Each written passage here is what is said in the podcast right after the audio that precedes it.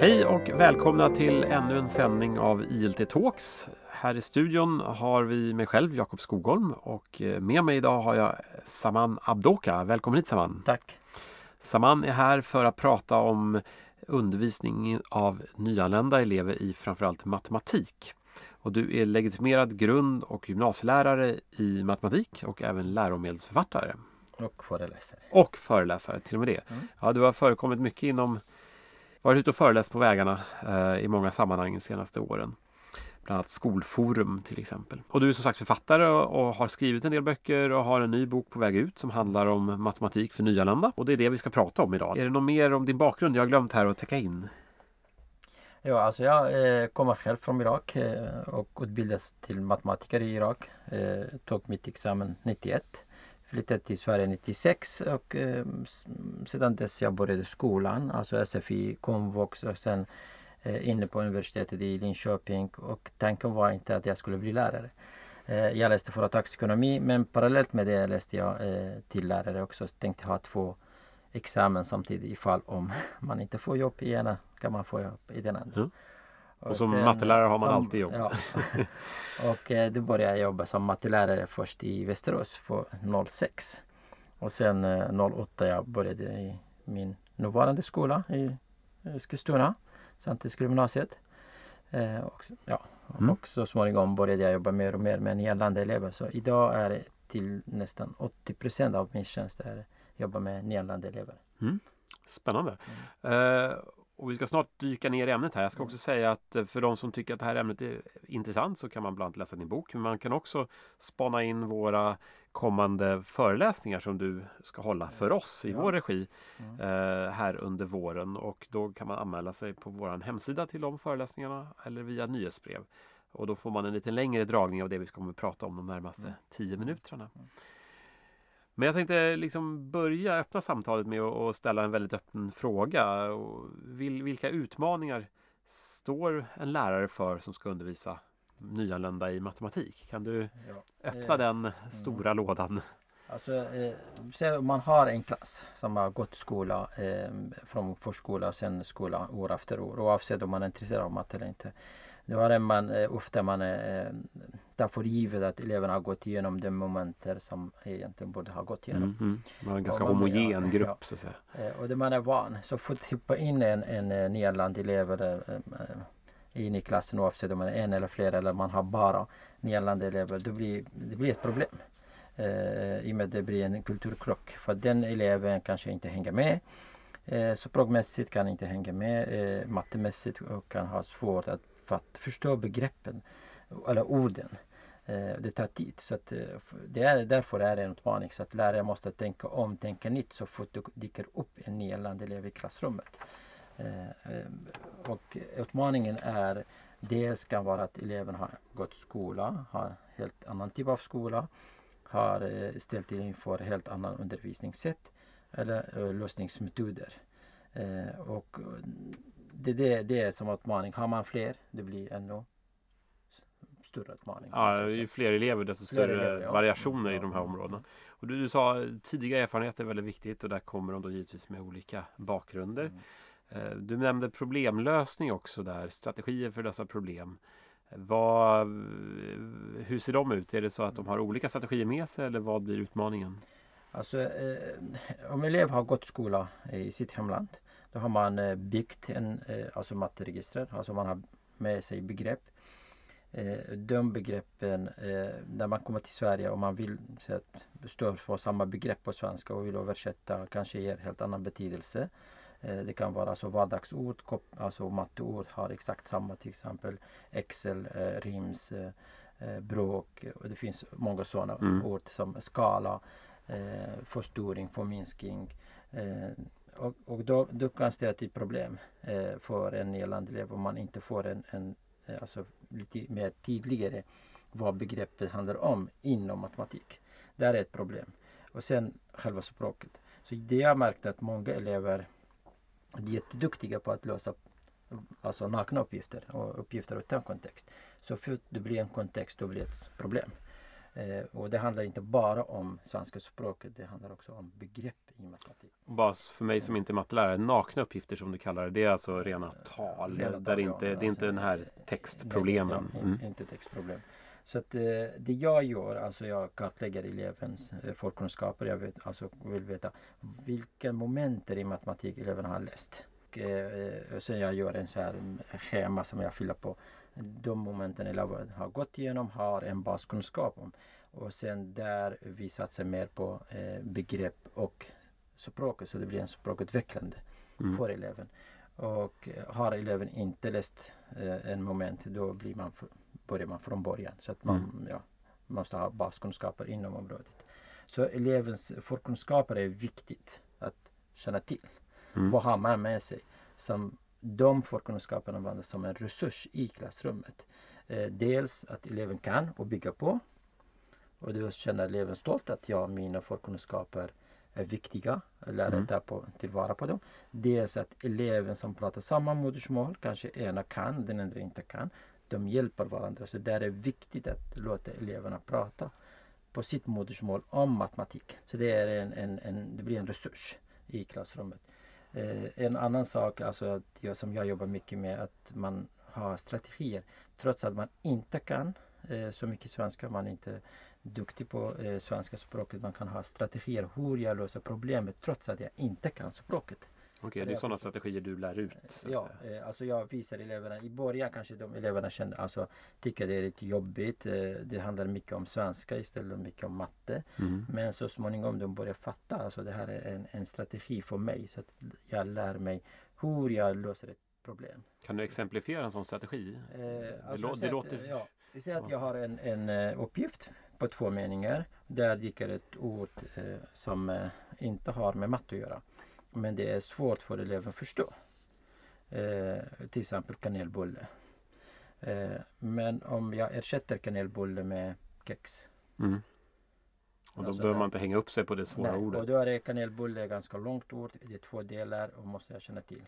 Och, och kanske jag känner till ena delen men inte andra delen. Mm. Eh, men om jag ersätter det med kex och då får jag en flit i uppgiften. Aha, just det. Nu kan jag lösa uppgiften och jag vet vad det handlar om. Alltså tar man bort de svåra språkliga Så- barriärerna. Så det är där, där vi jobbar mycket med sådana strategier i klassrummet. Både tillsammans och två och två. Eh, när eleverna, mina elever jobbar i klassrummet. Mm. Spännande. Så, Eh, Jag vet att du pratade mycket om eh, olika kulturers eh, kulturella bakgrunder när det gäller just själva undervisningen. Eleverna kan ha kommit från andra bakgrunder kring matteundervisningen. Eh, Är det någonting som du eh, kan Ja, utveckla? Skolorna eh, de ser ut eh, olika i olika länder. Eh, alltså undervisningssätt skiljer sig. Till exempel i Sverige vi jobbar mycket med grupparbete. I många andra länder mycket individarbete till exempel. Eh, I Sverige när vi jobbar med matte, mycket förståelse är jätteviktigt. Att man ska förstå varför man gör något, något, någonting. Men i många länder är görande viktigt. Mm. Eh, ju mer du gör desto bättre. Ju mer fler poäng du får på ett prov desto är du duktigare. Eh, och det där, där ställer ett problem. Många länder, många elever eh, ibland säger till mig, men det har, är det rätt? Jag säger ja det är rätt men jag förstår inte hur du har kommit fram till svaret. Kan du förklara? Jag vet inte. Men Mm. då, då ställer de igen samma fråga. Är det rätt? Ja det är rätt. Jag ifrågasätter inte svaret men jag ifrågasätter sättet. Mm. Eh, och där fastnar vi för att de kan inte resonera kring sina lösningar för de har inte förstått.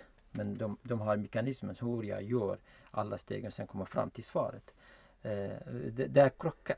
Så eh, eh, det vi jobbar mycket med. Att Mm. I Sverige vi har centralt innehåll som vi jobbar utifrån. Men vi bedömer utifrån förmågor. Det har på grundskolan fem förmågor.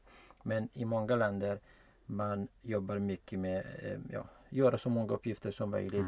Mm. Eh, vi säga att så många poäng som möjligt på provet för att du ska få bli godkänd. Mm. Eh, Och hur lyckas du vända på elevens mindset här? Det handlar väl mycket om att få eleven att förstå att det, här alltså, tänker vi lite annorlunda. på- Jag pratar inte mycket om förmågor för det Nej. kommer bli ännu värre. Det är lite Eh, diffust ja, kan ja, man säga. eh, Det är lite abstrakt. Vi Mm. jobbar, eh, vi försöker dela lektionen så att vi är med. Alltså vi har genomgång, vi pratar begrepp, vi pratar om lösningsmetod. Eh, och jag alltid ställer till, frågan till eleverna, är det någon som kan lösa uppgiften på ett annat sätt? Kanske någon säger, ja, så har vi har gjort i mitt hemland när jag gick i skolan. Så vi försöker diskutera den. Det kommer in det här resonemang och kommunikation, att vi pratar matte kring lösningar. Och sen jag låter eleverna jobba, helst två och två. Eh, de får använda sitt modersmål för att kunna resonera för varandra. Eh, I början på sitt modersmål kanske starkare i svenska de blir desto bättre. Och mer de kan kommunicera på svenska. Och sen man kan blanda ihop språken. Elever med eh, olika modersmål. Och om man tittar på hela, som jag ibland visar för eleverna, då har jag, vi har gått igenom de här eh, förmågor. Alltså vi mm. har eh, pratat om begrepp, vi har pratat om metoder, hur man löser uppgifter. Vi har kommunicerat kring lösningar och vi har jobbat med eh, de här strategier för att lösa problemlösningar. Så vi, det blir alla de här förmågorna mm, mm. är med omedvetet. Och, ja, just det. Mm. Eh, och det, det, här gör jag när eleverna ser inte första terminen, andra terminen. Då är eleverna mer bekväma med att kunna ta emot och, och, mer mottagliga att ta emot eh, eh, hur vi gör i Sverige mm. kontra andra länder. Mm. Ser du eh, att det är stora skillnader om man har en hel klass med nyanlända eller om man jobbar med eh, Alltså det kanske finns två nyanlända i, i sin ja, alltså klass? Har man en hel klass i 15 stycken i sin klass, helt nyanlända, kommer från olika länder, har olika skolbakgrund, har läst olika typer av matematik och det jag menar att kanske i ena landet man läser bråk redan i årskurs 2-3, i andra landet kanske 5-6 och eh, i andra landet läser man kanske procent redan i årskurs 4-5 och i ett annat land 7-8 så det blir så att eleverna har olika förkunskaper i olika områden. Det blir mycket komplicerat. Eh, och där kanske de är eh, olika långt i, i svenska språket. Det är mycket komplicerat mm. och jättekomplicerat. Man kan ha 14-15 elever i klassrummet och köra 14-15 olika eh, Strategi, sätt, strategier för att kunna hjälpa eleverna eh, för att de ska lyckas och utvecklas. Men det är egentligen samma strategi per elev ja, är samma just, strategi? Ja, även om... För eleverna är mm. samma strategi. För vi måste alltså hjälpa eleverna att komma vidare. Men har man två av 25 eller 20 elever som är nyanlända, där är det problematiken mindre. Då kan man låta eleverna i klassen ta hand om de mm. nyanlända elever till viss del och sen lärare också. Men sättet att tänka om måste man tänka på. Mm. Så fort man får en nyanländ elev i klassen, det måste jag börja tänka, tänka om hur jag kan in, integrera den här eleven, den nya eleven eller de nya eleverna i min undervisning, i den svenska mm. matematikundervisningen. Det är jätteviktigt. Ja, så ja. man kör inte samma vana som man har varit med om det har varit en klass som mm. har gått vidare mm. år efter år. Ja, jättespännande. Vi ska inte borra ner oss mycket djupare än så här idag. Eh, lite grann för att låta de som faktiskt eh, vill eh, ta ett steg djupare eh, bjuda in dem till dina föreläsningar som kommer runt om i Sverige. Och för alla er så, så går det bra att anmäla er. Vad, vad kommer de som kommer på din föreläsning, vad kommer de få med sig? Det de får med sig, alltså jag går igenom en hel del punkter men det som är viktigaste, kan man ta upp nu, det är att ni får en kort eh, sammanfattning om eh, olika kulturers matematikundervisning. Eh, olika strategier för att lösa problemlösningar med för de elever som har begränsat eh, svenska språket och eh, hur kan man använda elevens kulturella bakgrund eh, eller elevens kultur i eh, matematikundervisningen. Alltså det blir elevens kultur eller närmiljö som är ett utgångspunkt i matematikundervisning. Och skulle du säga att eh, det är matematiklärare som ska komma och lyssna på dig eller även andra lärare? Matematiklärare i, i första hand det kan vara specialpedagoger, speciallärare, eh, rektorer, skolutvecklare, mm. eh, studievägledare, eh, svenska som andraspråklärare. Eller lärare som inte undervisar matematik eh, för nyanlända elever kan inspirera och eh, eh, ja, eh, så jag att anpassa sättet till utifrån sina elever. Mm. Applicera mina tankar till andra ämnen. Jag har träffat en eh, natur eller var det biologilärare en gång. Och sen hon mig, skrev till mig i efterhand. Mm. Jag har eh, applicerat dina tankar i även i, i biologi. Ja, just det. Med nyanlända elever kring begrepp. Alltså man tänker när man ställer frågor till eleverna. Ja, ja men det låter bra. Då ja. finns det förutsättningar att vi fyller salarna runt om i Sverige i mars. Men därmed vill jag tacka så mycket för att du kom hit Tack och själv. tog dig tid. Och alla som lyssnade för att ni lyssnade. Och hoppas att vi hörs igen i både i föreläsningarna men också i nästa podd. Tack så mycket! Tack själv.